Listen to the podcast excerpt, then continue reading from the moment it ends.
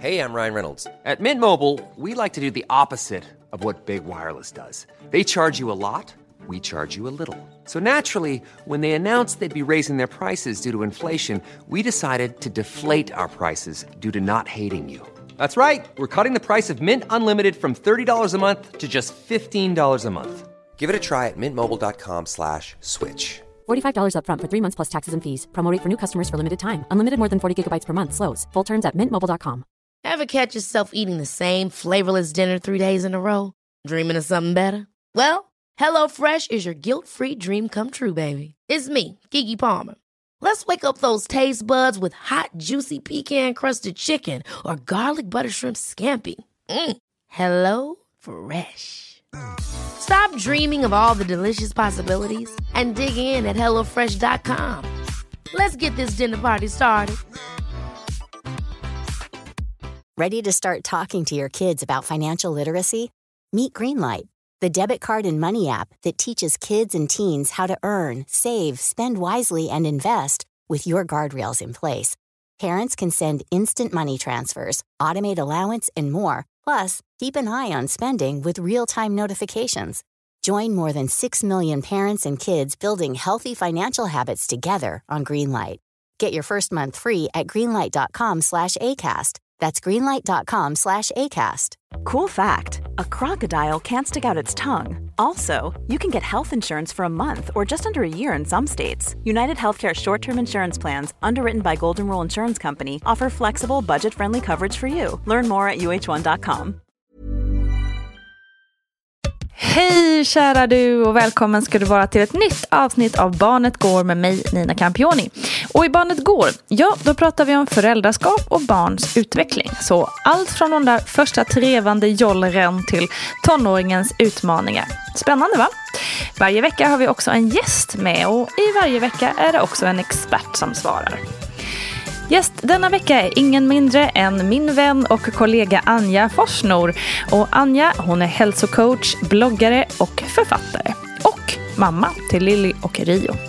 Och när Rio var några månader så blev Anja sjukskriven för utmattning och depression. En av de utlösande faktorerna för det var Rios problem med sömnen. Så nu blev det snack om trötthet, dåligt samvete och vikten av en god natts sömn.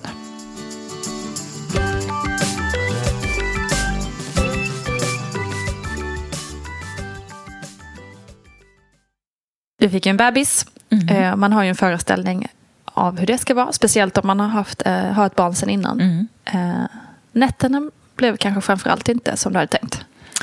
Nej, alltså som du säger, har man barn sedan tidigare så är man ju liksom förberedd på eh, ja, men stökiga nätter, uppvak, mm. dålig sömn. Mm. Eh, man förväntar sig ingenting annat. Men att det skulle vara så illa som det blev, det hade jag nog inte kunnat föreställa mig. Vad var skillnaden från, mellan Lilly och Rio?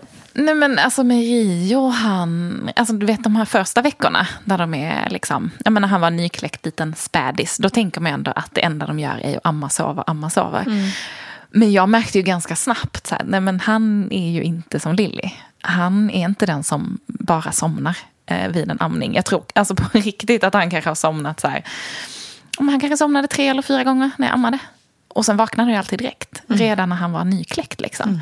Och ville aldrig sova själv. Så att han sov ju dåligt, alltså både på dagen och på nätterna. Kanske sämre på dagen i början och lite bättre på nätterna. Men alltså, hans sömn var ju ett problem från dag ett. Liksom. Mm. Det är intressant att man märker det alltså från början. Ja, men jag kände det direkt. Mm. Det här är något. Det han är annorlunda. något annat. Han här funkar annorlunda. När kände du att det liksom blev ett problem där med sömnen? Men i för, alltså första månaderna så är man ju ändå ganska tålig. Liksom. Eh, känns också som man har lite mer eh, hormonpåslag. Så att man klarar de här liksom, uppvaken och amningarna. Eh, så att första tre, fyra månaderna så var det ändå eh, ja, men helt okej. Okay. Mm. Men det var någonstans där efter fyra månader som jag kände att det här håller inte. Och jag hade också en känsla av att han inte blev nöjd. Just det. Alltså med amningen. Så redan där tror jag att jag började så försöka felsöka. Mm. vad, vad gör jag för fel? Eller varför blir han inte nöjd? Varför sover han inte? Mm. Så det blev ju något så ständigt eh, problem. Sen så, jag jobbade under hela den här tiden också. Eh, han föddes på en måndag och på torsdagen så satt ju jag och skickade in bokmanus. Så att eh, det kanske spädde på allting. Ja, men lite mer. Att jag hade ju inga liksom, reserver. Jag kunde Nej. inte så här, ta igen mig på dagen eller sova när bebisen sover. För att jag var ju tvungen att jobba. Mm. Så jag stod ju på dagarna med honom i liksom, en sjal på magen. Och så stod jag ju upp med datorn på en byrå och liksom skrev på min mm. bok. um, så till slut då, tror jag, ja, men efter fyra månader, då, då fanns det liksom ingen, inga reserver kvar. Nej. och vad hände då? Nej men då blev det bara liksom ett enda långt laborerande att försöka få honom att sova. Mm. Och sova med mig, sova själv och ja, ni vet ju hur man försöker liksom hitta alla sätt. Uh, han vägrade vagn, han vägrade bil. Det enda sättet han sov på var ju i en uh, sjal eller bärsele. Mm. Så att jag och min man fick liksom turas om så mycket det gick. Uh, men jag var ju den som var hemma mest. Så att det var ju, ja, det landade ju mest på mig helt enkelt. Och det var ju där under sommaren när han var ungefär ett halvår som det blev liksom helt ohållbart. Um, vi slutade amma, jag försökte verkligen alla sätt. Liksom. Och testade välling och testade ersättning och ja, försökte hitta Gjorde ni också, magiska, var ni också, liksom. Pratade ni också om det här med BVC och sådär? Ja, det gjorde vi. Men de viftade ju bort det. Liksom. Mm. Eh, sen så hade vi lite otur också för att vi bytte typ eh, så här, sköterska på BVC typ vid varje besök. Mm. Men det var någon som vi hade precis innan hon gick på mammaledighet ja. och så var det någon som vickade lite tillfälligt så det var en annan som hoppade in. Och alla var jättegulliga men det var ju ingen som hade liksom haft eller följt oss eller man ska säga. och till slut så blir man ju så trött på sig själv och man mm. blir väldigt trött på att gnälla. Mm. Så att jag tror inte jag orkade till slut. Att så här, gud, vad, vad, vad ska jag liksom... De kommer inte kunna hjälpa mig ändå. Vad ska jag säga mm. som kan få dem att förstå? Mm. Liksom. Uh, men det var ju framför allt när Rio, jag tror han åkte på någon öroninflammation. Eller, jag försökte liksom lite så hitta fel på honom mm. också. Så här, nej men det, han har nog ont i öronen. Eller han har nog problem med eh, mandlarna. Det är det som gör att han mm. inte vill sova. Mm. Han är allergisk mot mjölk. Han är allergisk mot något annat. Jag försökte liksom hitta alla ursäkter. Jag vägrade köpa så här. Nej men han är bara en bebis som inte gillar att sova. Det fanns liksom inte för mig. Jag tänkte det måste finnas en anledning. Ja, men man hör ju också många gånger den typen av anledningar. Att ja. Åh, men när vi uteslöt det här så plötsligt sov han som en ängel. Liksom. Ja, men exakt, det var så många som skrev till mig. Så här, Gud, jag känner igen precis det du beskriver. Och det var ingen som tog oss på allvar. Och sen fick vi reda på att han hade haft kronisk öroninflammation. Exakt. och eh, när vi behandlade det så sov han hela nätter. Så mm. jag hörde ju massa sådana här liksom, historier där det hade blivit bra. Mm. Så jag tänkte att om jag bara lyckas knäcka nöten eh, så kommer allt bli bra. Vilket också tog otroligt mycket energi. Och jag vet att vi var så osams om det hemma. För att jag vägrade liksom acceptera att det bara var så. Mm. Jag tänkte det måste finnas något jag kan göra. Mm. Medan min man var lite mer så här, ah, nej men det är väl bara så det är. Eh, vi får bara köpa det.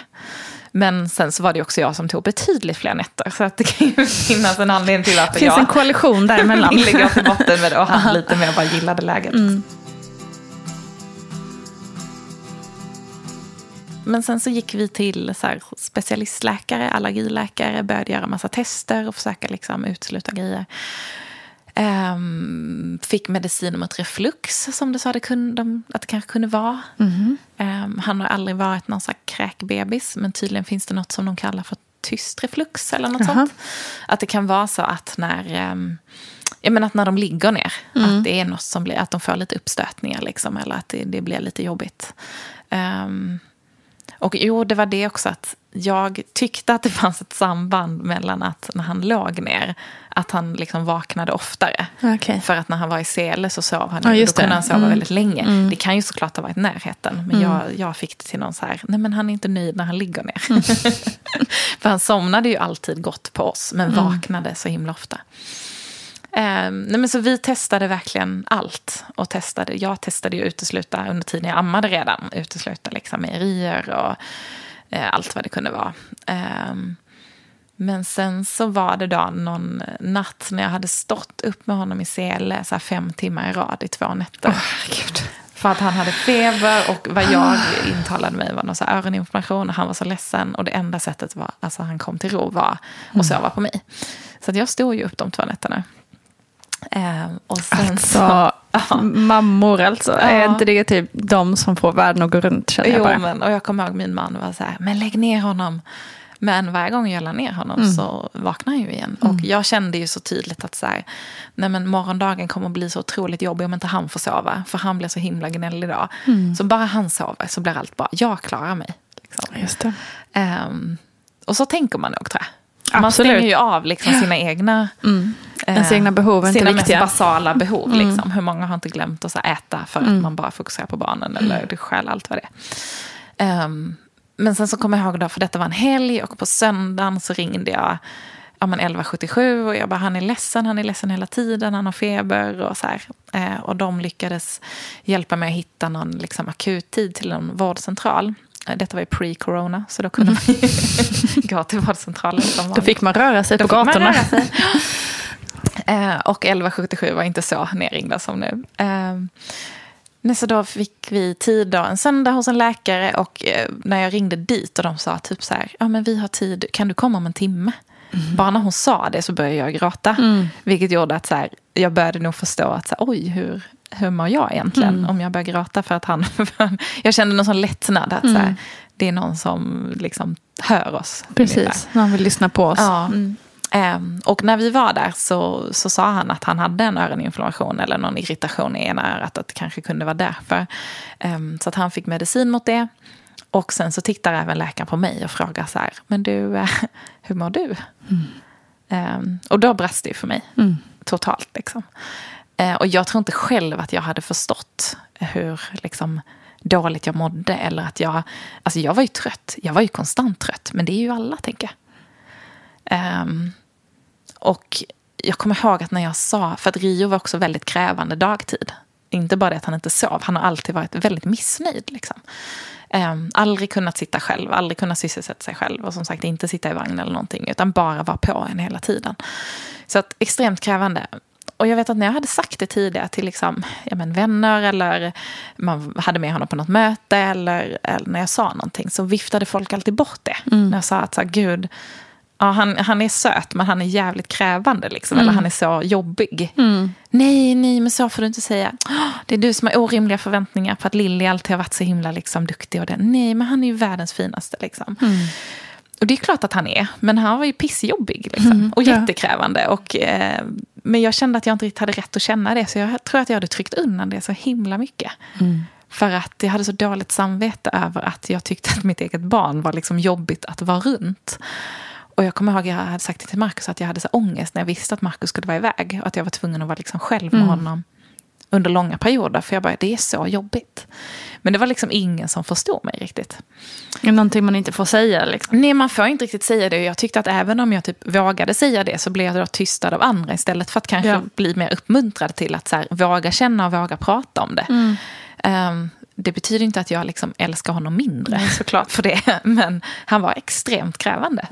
Eh, men jag kände att jag inte riktigt hade rätt att känna så. Så jag tror jag hade tryckt undan det så himla länge. Så att när den här läkaren frågade hur jag mådde så var det som att jag vågade liksom säga det på riktigt. Och då sa ju han det att så här, och då berättade jag att jag dessutom jobbade liksom heltid. och då var Rio sju månader. Så då sa han att men du, eh, du kanske borde fundera på att sjukskriva dig. Overkligt. Ja, någon så säger det. overkligt. Och jag, jag kommer ihåg att jag frågade typ tillbaka. Jag bara, men hur, hur gör man det? Ja, precis. Hur går det till? Exakt. Jag bara, du är ju läkare, så här, gör du det då? Ja. liksom, eller hur funkar det? Ja. Och också när man har så här eget företag Exakt. också. Bara, Men, men va? Jag tror det var det. Får jag här, det? Hur, Liksom? hur, hur gör jag? Och Ja. så här, vad, vad innebär det rent praktiskt? Eh, men sen så tog jag liksom med mig de orden hem och grubblade på det. Och jag kommer ihåg när jag kom hem och Markus frågade hur det gick så sa jag det att nej men Rio hade ju en, han har öroninflammation men läkaren tyckte att jag skulle sjukskriva mig. Och det var som att han inte riktigt reagerade på det. Eller han förstod nog inte riktigt. Så här. Han bara, ja, ja okej. Och sen så dog det liksom ut lite. Så vi pratade inte riktigt om det. Men sen så grubblade jag på det några dagar. Och sen så ehm, har jag en sån här sjukvårdsförsäkring via mitt företag. Så att jag ringde och pratade med dem. Ehm, och liksom berättade hur jag mådde, hur jag kände. Och då fick jag dagen efter tid hos en eh, psykiatriläkare. Wow, så fort. Ja, jättefort. Eh, det är ju fördelen med när man har en sån försäkring. Att man ska få garanterad hjälp inom en viss tid. Och jag tror jag kände hela den där grejen också. Att så här, jag orkar inte rodda med tider till liksom vårdcentral, bli rundslussad och väntetider och så ska jag sitta där och försöka övertyga någon om att jag mår dåligt. Fast jag kanske egentligen inte mår så dåligt. Mm. Det är så svårt när man är i det. Liksom. Mm. Men jag fick träffa den här läkaren dagen efter, då var det också som att Alltså hon är så häftig. Jag träffar fortfarande henne, eller går fortfarande till henne. Och eh, hon bara såg rakt igenom mig. Och jag kommer, jag kommer så väl ihåg när jag liksom slog mig ner i hennes rum. Och det stod en sån här ask med näsdukar på hennes bord. Och jag typ så tittade på den och jag bara så här fnös nästan. Bara så här, men gud, vad är det för klena människor som kommer hit? Som behöver näsdukar. Eh, och sen när jag gick därifrån, då hade jag använt upp hela den asken. ja, eh, nej men hon är en sån person som bara såg rakt igenom mig. Eh, och hon var liksom, ja, men hon, jag tror hon frågade typ så här, hur mår du? Mm. Och då kom allt. Liksom. Då kom allt. Behöver inte ställa fler frågor. Nej, nej. nej, men det var lite så. Och jag sa grejer som jag typ inte ens knappt visste att jag kände. Alltså mm. det, allt bara kom. Jag öppnade liksom allt. Um, och då sjukskrev hon mig i fyra veckor. Mm. Vilket för mig var typ fyra år kändes mm. det som. Alltså det var en hel evighet. Mm. Och liksom på ett sätt var jag jättelättad. Um, på ett annat sätt tyckte jag det var skitläskigt. Vad, så här, vad innebär det här? Mm.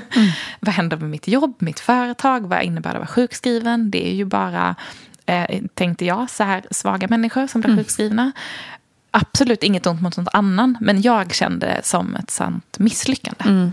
Jag känner inte att jag själv. Liksom. klarade av så här, mitt jobb som vi kan, mamma. Nej, men, liksom. nej, vi kan väl också fylla i att liksom, i detta precis mm. den här tiden så släppte du och har också skrivit en bok som handlar om self-care. Alltså ja. du skriver ju mycket om det här mm. själv.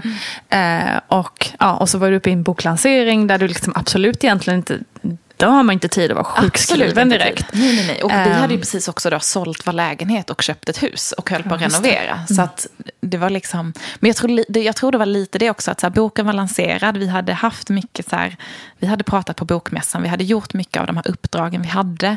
Huset var såld, eller huset var köpt, lägenheten var såld, allting var typ bokat och klart. Mm. Jag tror att det var då som jag kollapsade. Mm. När jag var så här, men nu har jag gjort allt jag mm. måste. Mm. Jag har bockat av den här att göra-listan mm.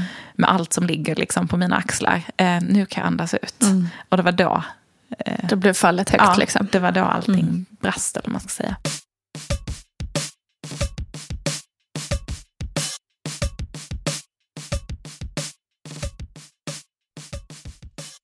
Jag tänkte också apropå det här som du sa att din självbild inte var att, att du skulle kunna vara Nej. den personen. Och jag tänker att det är också så intressant i och med att du själv eh, ändå har ett stor insikt mm. i den här problematiken mm. eftersom du skriver om det. Och liksom, sådär, att, man, att det är lätt att applicera det på andra och liksom analysera andra. Men jag och sen är det svårt att, att jag, ta in själv. Ja, och jag, jag är liksom utbildad livsstilsrådgivare. jag ska kunna det här. Ja. Jag tror att jag på något liksom, eh, sätt tänkt att jag var immun. Eftersom mm. jag, jag, men herregud, jag kan ju ja, det här. Precis. Jag vet ju vikten av sömn. Ja. jag vet ju vad man ska göra för att inte stressa och inte ta på sig ja. allt. Och hur viktigt det är att säga nej och mm. känna efter. Mm. Och det är ju det här jag snackar om. Liksom. Mm. Om man tror man känner sig själv. Exakt. Att jag klarar, men jag, jag klarar den här mm. sömnlösheten. Det, jag, och jag hade liksom, liksom bara skjutit upp den här vilan he, alltså, i så många år egentligen. Mm. Mm. För att när jag ser tillbaka på det så tror ju jag att jag kanske har varit liksom nära den här kraschen vid flera tillfällen tidigare. Mm. Men då har jag alltid liksom sovit bra. Vi hade turen med liksom Lilly, hon mm. sov bra. Mm. Så att jag har alltid kunnat liksom återhämta mig. Vilket tror jag gjort att den här, det har liksom stretchat det här eh, lite hela tiden. Mm. Men sen då när det blev nästan ja, men, åtta, nio månaders total sömnbrist. Alltså jag sov ju så två timmar i sträck. Mm som max. Mm. Mm. Eh, vissa nätter vaknade han var 20 minut mm. och gnällde. Så att, eh, alltså då tog ju mina reserver slut. Mm. Det fanns ju ingenting kvar. Och det var ju det hon sa till mig. Jag blev sjukskriven för utmattning eh, och eh, depression. Ehm, och hon sa till mig att du måste sova. Det är det första du måste börja med. Du måste sova. Du måste liksom börja bygga upp kroppen från början. Mm. Um, så då sa hon det att här, om det inte finns möjlighet hemma att sova, om han liksom gnäller och skriker och du inte kan slappna av, då får du sova hos en kompis. Mm. Eller ta in på hotell, sova mm. hos någon annan. Du måste sova. Hon bara, du måste sova minst två hela nätter i veckan. Liksom ostört. Uh, och sen får ni ta varannan natt hemma. Liksom. Mm. Och så sa hon det också att um, så här, ja, men frågan är vad jag sjukskriver dig ifrån, sa hon. För jag kan ju sjukskriva dig från jobbet. Hon bara, men jag kommer också behöva liksom sjukskriva dig från allt ansvar i hemmet. Wow. Mm, så hon sa det att Intressant. du kan ju gå hem till din man och förbereda honom på att vara pappaledig. För att du kommer aldrig återhämta dig så länge du ska vara mammaledig. Liksom. Och det var, Men vad bra ja, med en sån eh, tydlig plan. Liksom. Ja, jättebra. Alltså hon blev verkligen... Men hon hon var, liksom, kom med väldigt konkreta saker vad jag skulle göra. Så den helgen eh, var faktiskt några vänner till oss bortresta. Så de sa det att "Ja, men ta vår lägenhet så kan du sova där i helgen. Och det var ju lite läskigt. att så här, Det kändes ju som att jag svek min familj. Och liksom va- var så där egoistisk att, och bara fokusera på sig själv. Det gör man ju väldigt sällan. Så att första kvällen tog jag ju med Lilly.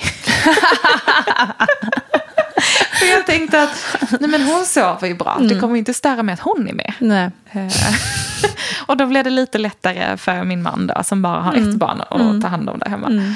Eh, Så att första natten tog jag med henne, men andra natten så sov jag faktiskt Ja, själv. men vad bra. Och då sov jag 12 timmar. Åh, gud vad skönt. Och du vet när man vaknar upp så här vid så här 9-10 och slumrar till och liksom somnar om. För att man är så trött. Ja. Och för att man får. Det hade ju inte hänt på, jag vet inte när. Men gud vad du var värd det.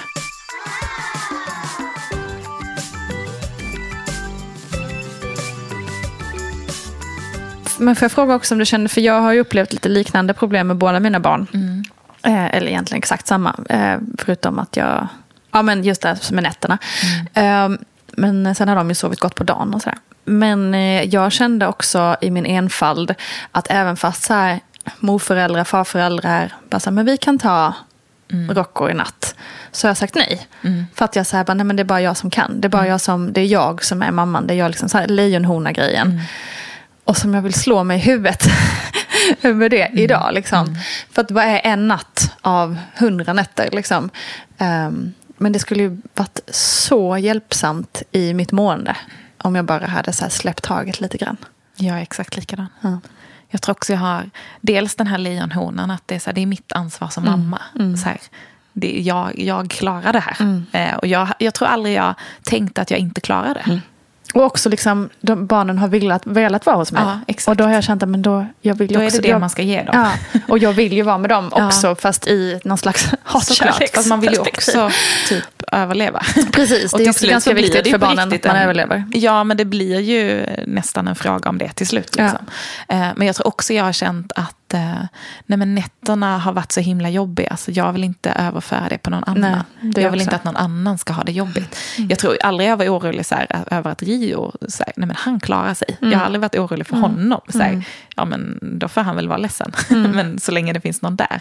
Men jag har alltid känt att jag vill inte överföra det jobbiga på någon annan. Det är mitt ansvar. Liksom. Det är jag som ska ta skiten. Ja, det är konstigt. Och med skiten menar jag då mitt barn alltså. Exakt. Men du, de här fyra veckorna som det initialt blev, blev lite längre. Ja, nu är jag fortfarande sjukskriven på halvtid. Så att nu har jag börjat jobba så smått och nu har det gått ett halvår. Men jag var hos min läkare senast förra veckan. Och då lättade hon lite på min sjukskrivning från 75% till 50%. Men sa ju också att, eh, liksom att hon vill fortfarande liksom att de 50% är sjukskriven ska vara från hemmet. Just det. Så hon sa att jag märker att du mår bra av att jobba, att det ger dig energi. Jag tror det är jättebra att komma från hemmet, gå till ett kontor och liksom fokusera på annat. Men att jag måste försöka släppa taget och kontrollen om hemmet. Att det är Just där eh, belastningen liksom ligger för mig. Eh, så det är väldigt intressant. Och det är väldigt intressant att hon ser det. Mm, verkligen. Det är nog fler sen- kvinnor som kanske skulle behöva ha den insikten. och det är också en intressant grej som hon sa. För att jag har ju tyckt det var så jobbigt då, att jag inte kan identifiera mig med en person som är sjukskriven. Jag tycker inte att det passar mig. Eller jag har, ja, som du sa också med självbilden där. Men hon sa ju också det, att det är ju eh, liksom en majoritet eh, kvinnor. Och mycket kvinnliga psykologer och liksom läkare som blir sjukskrivna. Just för att de också tycker att eh, de kan det här. De klarar allt. Liksom. Högpresterande och vana vid att fixa allt själv. Eh, Det går ju inte i längden. Man kan inte klara allt själv. Eh, Måste våga be om hjälp. Hey, I'm Ryan Reynolds. At Mint Mobile, we like to do the opposite of what Big Wireless does. They charge you a lot, we charge you a little. So naturally, when they announced they'd be raising their prices due to inflation, we decided to deflate our prices due to not hating you.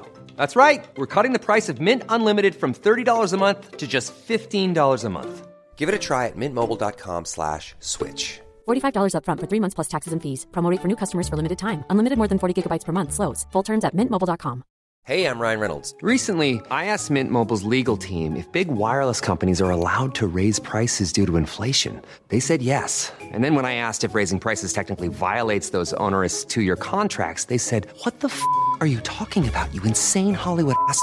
F- So to recap, we're cutting the price of Mint Unlimited from $30 a month to just $15 a month. Give it a try at mintmobile.com slash switch. $45 upfront for three months plus taxes and fees. Promo for new customers for limited time. Unlimited more than 40 gigabytes per month. Slows. Full terms at mintmobile.com.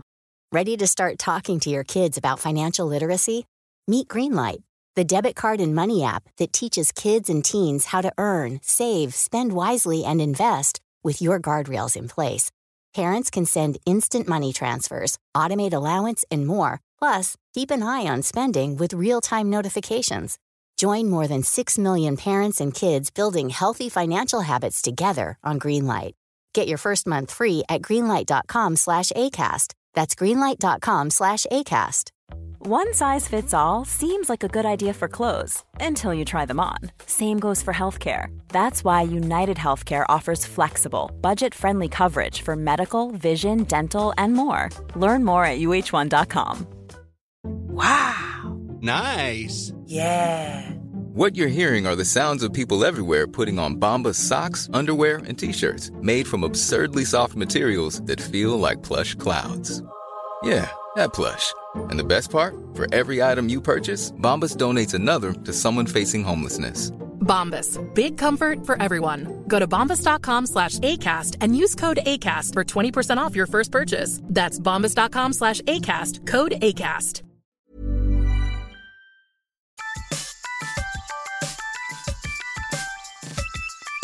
Men du, eh, idag så sover ju Rio jättebra om jag har förstått det rätt. Ja, jag vet. Vad hände? Nej, men alltså jag vågar knappt tro att det är sant. Om någon hade sagt detta till mig när det var som värst, då hade jag liksom... Nej, men jag hade aldrig trott på det. Nej. Och jag tror att jag på något sätt började acceptera att nej, men vi kommer ha några jävliga år. Han kommer vara en sån som inte sover förrän han blir lite äldre. Men eh, jag, vi började dela på nätterna när vi flyttade till hus. För då hade vi lite mer sovrum att sova i. Och det gjorde stor skillnad bara att få sova varannan natt. Han sov fortfarande dåligt, liksom Rio. Men att man i alla fall fick turas om lite. Eh, och sen så hade min man väldigt länge velat testa någon form av så här, sömnträning, sömnmetod. Femminutersmetoden, tassmetoden, det finns ju massa namn. Men alla går ju lite ut på att låta liksom, bebisen sova själv. Eller barnet, Rio hade ju hunnit fylla ett år då. Och jag har varit jätteanti det och alltid sagt att mina barn ska aldrig få skrika. Det är liksom inte när jag är där. Eh, Så vi har varit jätteoense gällande det. Eh, Sen så åkte jag på eh, yoga och meditationsretreat till Costa Rica. ja, En vecka. Det lät ju som precis vad du behövde. Ja, det blev lite så här spontant. Jag fick ett erbjudande om att följa med och avresa var tre veckor senare. Och jag kände bara i hela min kropp att så här, ja, det här är så självklart. Det är klart jag ska göra det. Att få sova, det var det. Jag struntade nog i Costa Rica och liksom yoga meditation. Jag såg bara framför mig att jag skulle få sova ostört en vecka. Ja. Och skulle då få åka med en av mina bästa kompisar dessutom. Eh, Och under den här veckan när jag var borta så testade då min man en, ja, att sömnträna honom. Så att han la Rio i egen säng, i eget rum, eh, med nappar och flaska och allt han behövde, vaggvisor.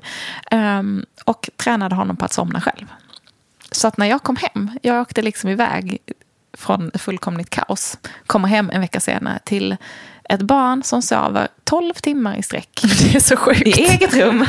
Utan att vakna 12 upp på nätterna timmar. och gnälla. Och vakna sprudlande glad på morgonen. Det, det, var som att jag, alltså det var som att det hade gått liksom ett halvår. Det är helt otroligt. Det var en helt ny. Och fortfarande, alltså jag, jag kommer ihåg känslan när jag skulle liksom, när vi gick och las i sovrummet ihop, bara vi. Det, är så här, det är inga barn här. Vi måste inte ligga och viska för det är ingen här vi väcker. Hela sängen för oss själva. Alltså det känns så konstigt. Men också så otroligt viktigt. Man tappar ju det ganska snabbt. Och alltså, hade någon sagt att vi skulle så här, sova i olika sovrum och sova varannan natt med barnen och aldrig sova ihop. Då hade jag tänkt att så här, nej, men det där så där kommer aldrig vi hamna. Nej. Vi kommer aldrig ha olika sovrum. Men när man är i det, då, då spelar det liksom Nej, ingen roll. Bara man får sova. Man skulle kunna sova på soffan. Ja, Liksom. visst. Men vad, vad berättade Marcus om de här dagarna som du har varit där? Nej, men han är ju envis som en get. Så att han hade ju verkligen eh, gett sig tusan på att det skulle funka. Och det hade ju tagit tre, fyra nätter. Liksom. Han, so han liksom Rio somnade, men han vaknade ofta. Max fick gå in till honom och trösta och liksom ge napp och allt det här. Men han bar inte upp honom och bar inte ho- över honom till liksom vår säng. Utan visade att det var där han skulle vara. Så han var ju väldigt konsekvent. Och eh, jag kan säga, hade jag varit hemma så hade jag gett upp direkt. Jag hade aldrig klarat av det. jag vet inte om det har, om det liksom är mammahjärtat som går sönder lite mer när de skriker eller vad det är. Ja, det där mammahjärtat. Ja. Känns som att det...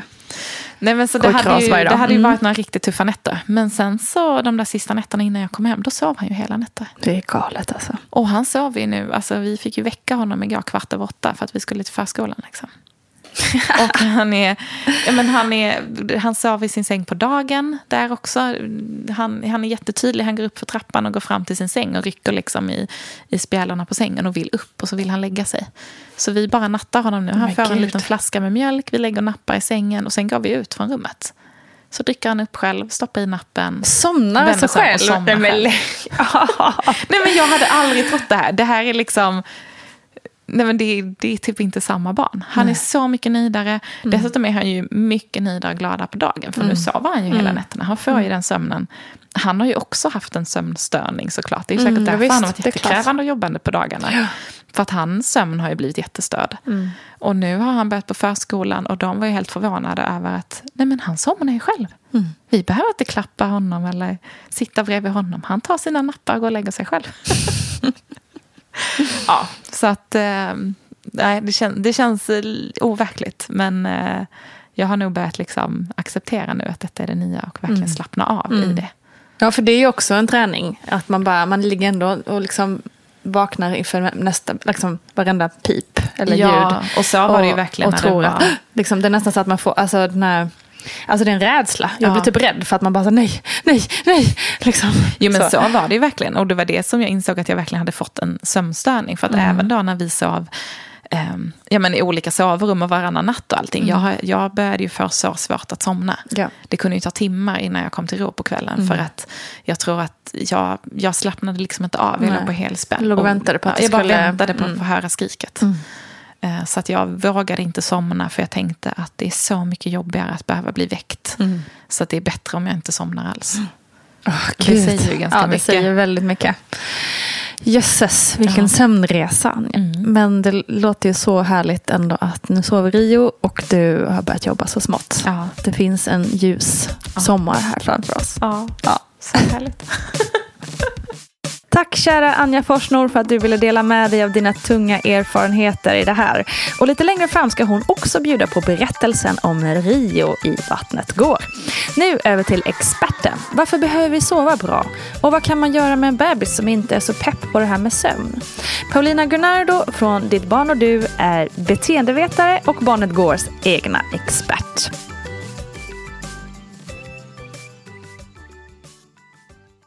Du, det här med sömnbrist, vad gör det med en egentligen? Nej, men om du tänker dig ett barnkalas. Eh, ni har röjt runt, barnen har lekt, de har flyttat på saker. Ni har eh, ätit massa gott och det blir sopor. Eh, ni har skapat en massa nya minnen och sen så ska ni som städa undan och pusta ut i soffan efter ett kalas. Då. Så är det precis på samma sätt i hjärnan efter en helt vanlig dag och särskilt med, eh, med barn. Att under en vanlig dag så hinner det hända jättemycket. Eh, det skapas massa minnen som hjärnan behöver sortera. Eh, och när vi sover, det är då det här händer. Det är då hjärnan sorterar olika intryck. Den bearbetar vad du har varit med om. Eh, om du har lärt dig nya saker så ska det kopplas ihop med tidigare kunskaper. Och precis som att vi ska gå ut med soporna efter ett kalas så, så funkar även kroppen och hjärnan så under sömnen. Att den liksom sorterar ut slaggprodukter. Mm. Så. Och då, om man inte får sova eller om man har väldigt störd sömn och vaknar, somnar, vaknar, somnar, vaknar, somnar. Då får ju inte hjärnan göra det här. Vilket också gör att istället för att vi har vilat upp oss för en ny dag så vaknar vi trötta. Vi har inte sorterat intryck, vi har inte bearbetat det vi varit med om. Man kan få minnesluckor, få svårt att plocka fram det vi egentligen vet. Jag brukar också jämföra eh, mycket av hur vi funkar med att man har som en inre verktygslåda. Så ta till exempel att du har en, en tvååring som ligger på hallgolvet och inte vill klä på sig när ni ska gå ut. Mm. Så då plockar man liksom fram sin inre verktygslåda med kunskap om ja, men det här är en tvååring som har börjat gå in i någon trotsfas. Det handlar om det här. Barnet är argt och ledset. Och så smittas man av känslor. Mm. Och då plockar man fram sitt verktyg som kallas för känsloreglering. Så att man reglerar sina egna känslor för att hjälpa sitt barn att reglera sina Mm. känslor. Så att man liksom kan ta sig ut. Men när man inte har sovit så har man mycket svårare att få tillgång till den här verktygslådan. Och därför får vi också lätt mycket sämre tålamod som föräldrar när vi inte har sovit. Det märker man ju. Det känner jag igen. Ja man, blir, ja, man blir ju inte den där civiliserade människan man kanske tänkte att man skulle vara. Man blir inte den där fantastiska mamman med, som är pedagogisk och lugn och fin. Eh, för att man helt enkelt man har svårare att få tillgång till de områdena i hjärnan. Det är så vi funkar. Man går mycket mer på automatik. Vi har svårare att reglera oss själva. Man blir känsligare för ljud. Så har man ett barn som gnäller så blir också hjärnan mycket, mycket känsligare för det gnället än vad vi hade varit om vi hade fått sova. Så det är verkligen, man kan ju använda sömnbrist som ett tortyrredskap. Ja, det har man ju, Och, eh, känner man ju igen från film Ja. och så vidare. Så det är väl det man kan säga, liksom att sömnbrist kan göra med oss. Vi blir ju inte så som vi kanske skulle vilja vara annars. Man Nej. fungerar sämre helt enkelt. Mm.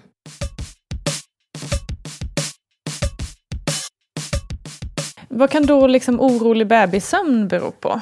Ja, men om man tänker här från start när bebisen föds så har den ju för det första ingen dygnsrytm. Nej, just det. Så det är ju helt naturligt att bebisen har en ganska orolig sömn. Och det tar ett tag innan de hinner få en sån här dygn, dygnsrytm.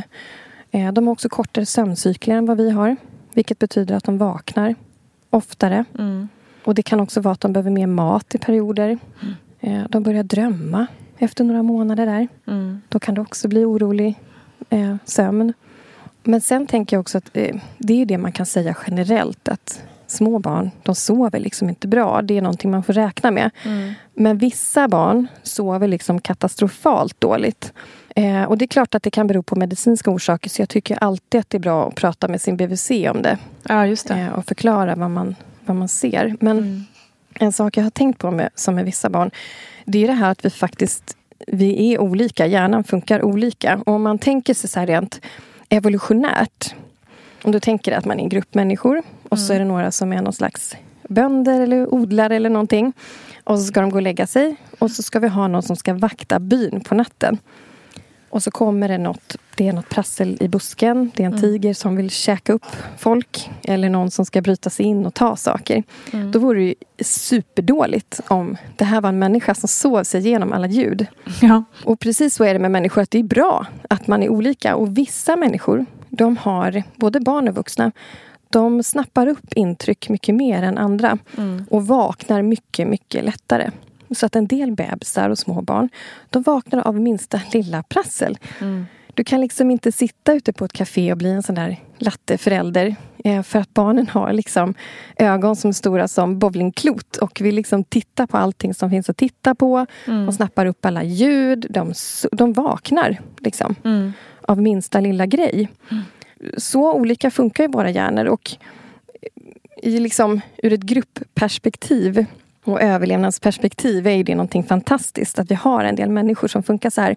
Men när man är förälder till en sånt, här barn så Då är är det det lite ju jobbigare. svinjobbigt. Eh, för att man kanske blir isolerad. Man kan inte gå ut och fika med vänner. Man kanske måste stänga in sig i sovrummet. Det är långa läggningar, det är mycket uppvak på nätterna. Ja, man blir, kan ju bli re, helt knäckt mentalt. Liksom. Ja, Eh, liksom ledsen eh, Mm. när man inte får sova och så vidare. Ja men precis, varenda cell i kroppen skriker efter att få sova. Och, Ja. och jag tänker så här att även om vi, när vi är småbarnsföräldrar så får man liksom räkna med lite sömnbrist. Men våra behov av sömn försvinner ju inte för att vi har fått ett barn. Nej. Utan vi måste få sova. Det är jätteviktigt med sömnen. Mm. Så.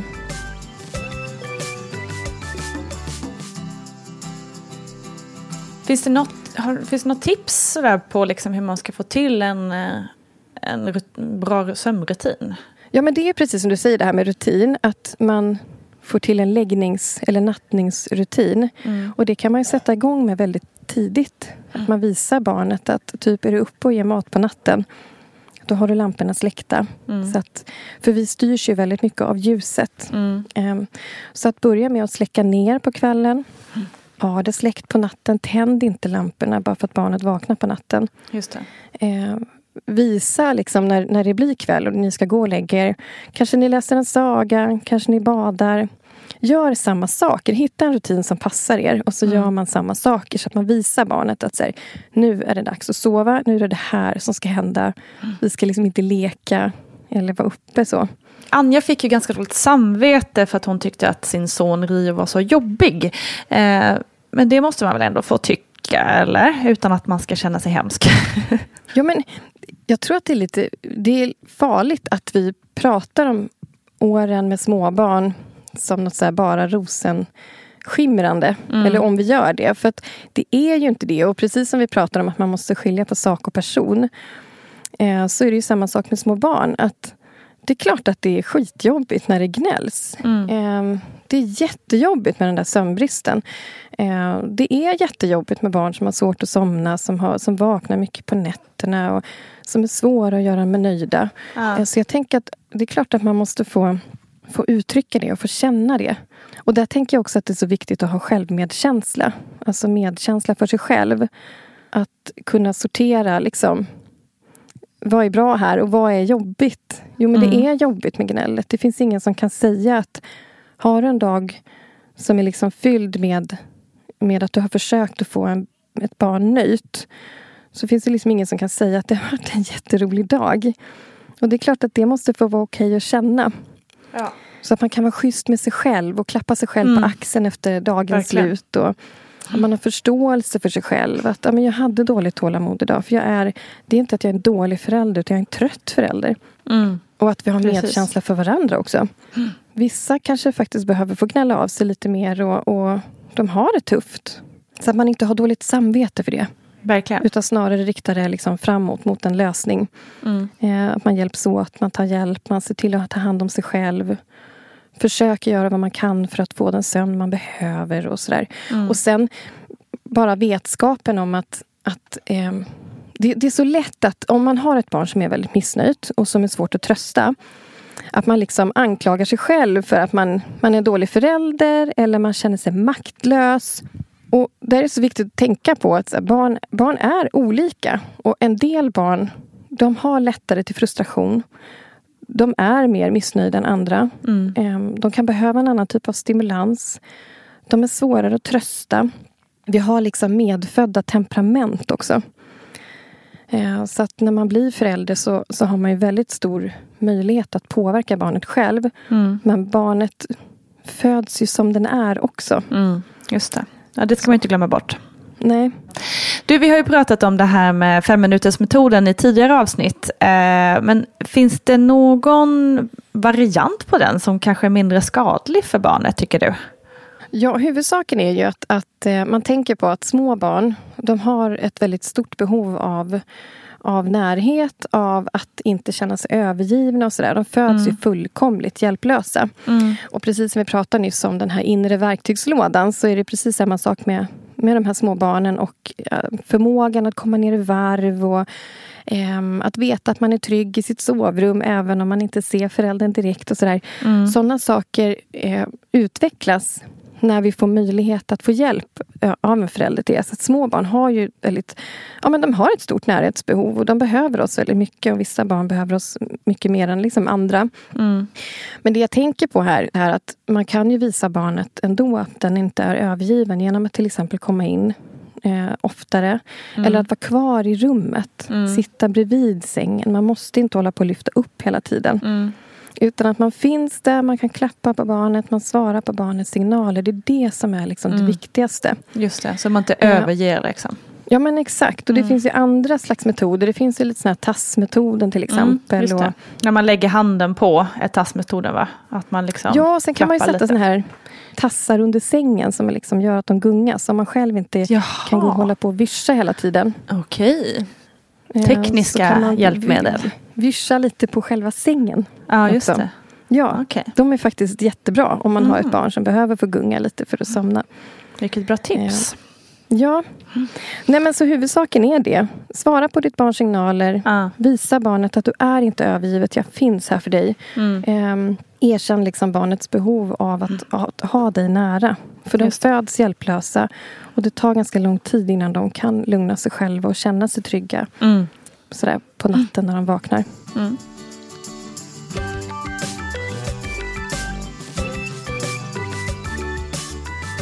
Det här med psykiska måendet eh, hos eh, föräldern när man har en liten bebis. Alltså märker en bebis av att mamman inte mår bra trots att hon alltid är där med det fysiska så att säga? Vad säger du? Det är ett ganska, det här psykiska måendet det är ett väldigt brett begrepp. Ehm, och då tänker jag så här att samspelet med sin bebis är ju jätteviktigt. Så absolut att bebisen kan märka av om mamman inte riktigt orkar svara på barnets signaler. Och man orkar inte le och prata eller liksom dela barnets positiva känslor och sådär. Så Mm. absolut att, att små barn kan påverkas och, och märka av när mamman inte mår bra. Men jag tänker också så här att går man in i en, liksom en utmattning eller depression efter förlossning att man inte ska vara orolig så länge det finns andra vuxna omkring barnet. Och eh, att man finns där överhuvudtaget Mm. eh, gör ju väldigt gott för barnet. så. Just det. Mm. Toppen! Tack Paulina Gunnardo och tack Anja Forsnor. Tack också till dig som har lyssnat. Så glad jag är för det. Stor kram och ha en fin dag. Imorgon kommer bloggen och då ska vi prata om framfall.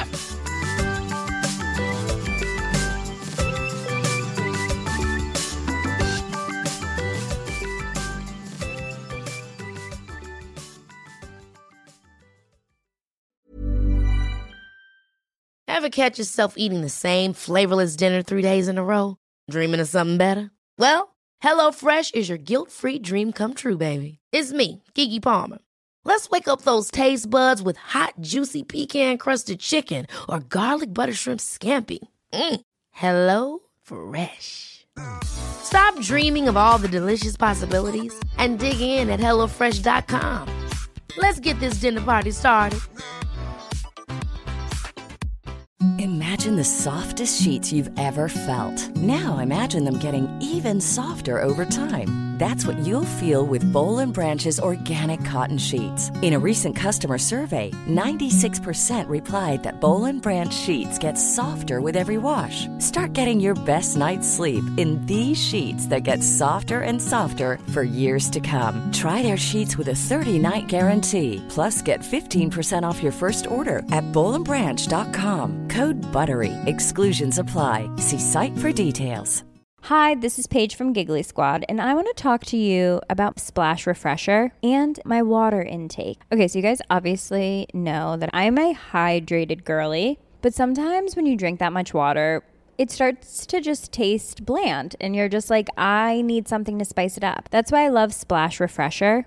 It has zero sugar, zero calories, and it's a splash of sweetness. And they come in five different flavors. They're so good. Wild berry, acai grape, pineapple mango, lemon, and mandarin orange. My favorite is the wild berry because I just I just love a berry. So if you're like me and you're drinking water all day, then try Splash Refresher. It's going to absolutely change your water game and it's good for you.